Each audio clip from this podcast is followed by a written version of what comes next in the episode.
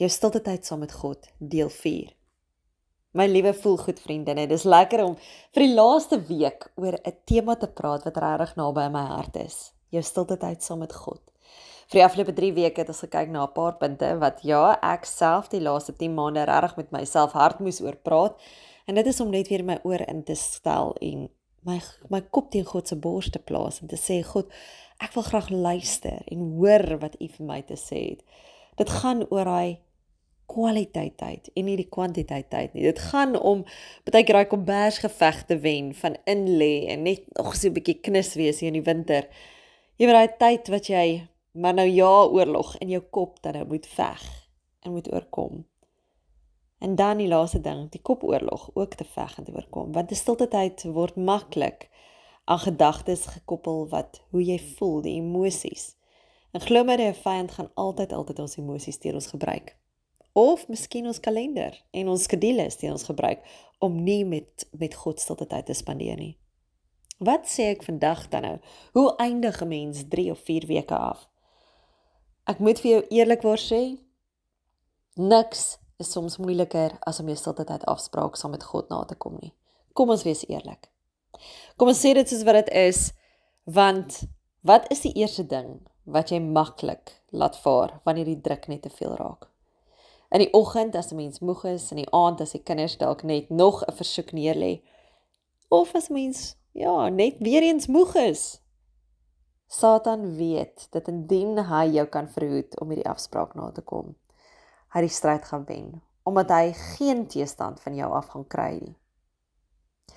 Kan ek vir jou sê baie Christen vroue wat op die oomblik voel of hulle net nêrens in hulle geloof is nie. Vertel dieselfde stories. Alles het begin skeefloop toe ek begin het om my stilte tyd saam met God af te skeep.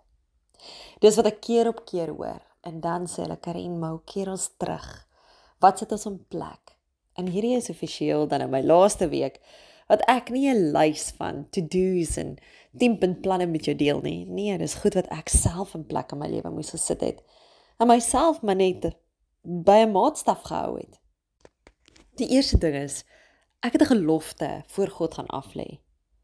En ek was regtig ernstig wanneer ek dit gedoen het. Want as 'n mens aan God 'n gelofte doen, ek praat nie van 'n belofte nie, ek praat van 'n gelofte dan kan 'n mens nie versuim om jou belofte te hou nie. Jy sien dit is beter dat jy nie beloof nie as dat jy beloof en dit dan nie gestand doen nie. Verstaan jy? Die tweede punt is skryf dit in jou dagboek neer. Skeduleer elke dag 'n tyd geleef waar tydens jy vir God kan ontmoet. Net soos wat mense dokters afspraak of 'n ete afspraak kan skeduleer. Kan jy indink dat daar enige afspraak belangriker is as 'n afspraak met God? Myne was elke liewe dag as ek werk toe begin ry het. Hierdie kom al 'n lang afspraak. Ek het geweet ek ry werk toe in die oggende vir 45 minute en ek ry terug vir 45 minute elke liewe dag en dit was my tyd saam met God. Ek het die radio afgesit, ek het gebid, ek het 'n preek geluister of toe dit tot einde kom met die hele weer kantoor toe ry ry, was dit as ek gaan hardloop het. Vroegoggend, laatmiddag, daai uur was absolute tyd saam met God en is steeds. So maak daai afspraak in jou dagboek, nie net vir jouself nie, maar saam met God. Die derde ding is wees gereed vir die duiwels se verskonings en aanvalle. O, oh, wees gewaarsku en wees gewapen en wees gereed, wil ek vir jou sê. Daar's 'n dokter, sy naam is Robert G. Lee. Hy het altyd nogal snaaks genoeg gesê, as jy soggens wakker word, en nie die duiwel vierkantig in die oë kyk nie, beteken dit dat jy besig is om dieselfde rigting te kyk. nou ek ek het gelag toe ek die sêding lees.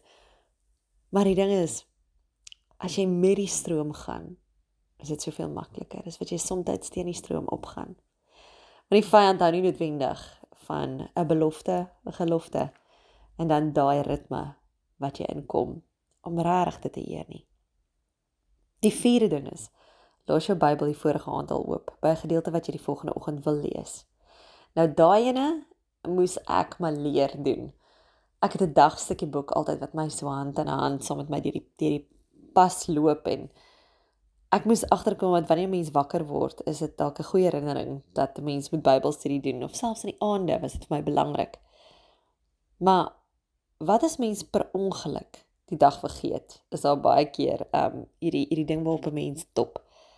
As 'n mens ontbyt mis nie, beteken dit mos nie dat jy nooit weer gaan eet nie. Nee. Jy kan bloot net 'n bietjie meer eet tydens middagete en van daar af weer normaal voortgaan. Kom ons maak nie dinge moeilik nie. Kom ons tik onsself nie oor die vingers oor onnodige goed nie. Dink die punt wat ek wil maak is kom ons maak dit net 'n prioriteit.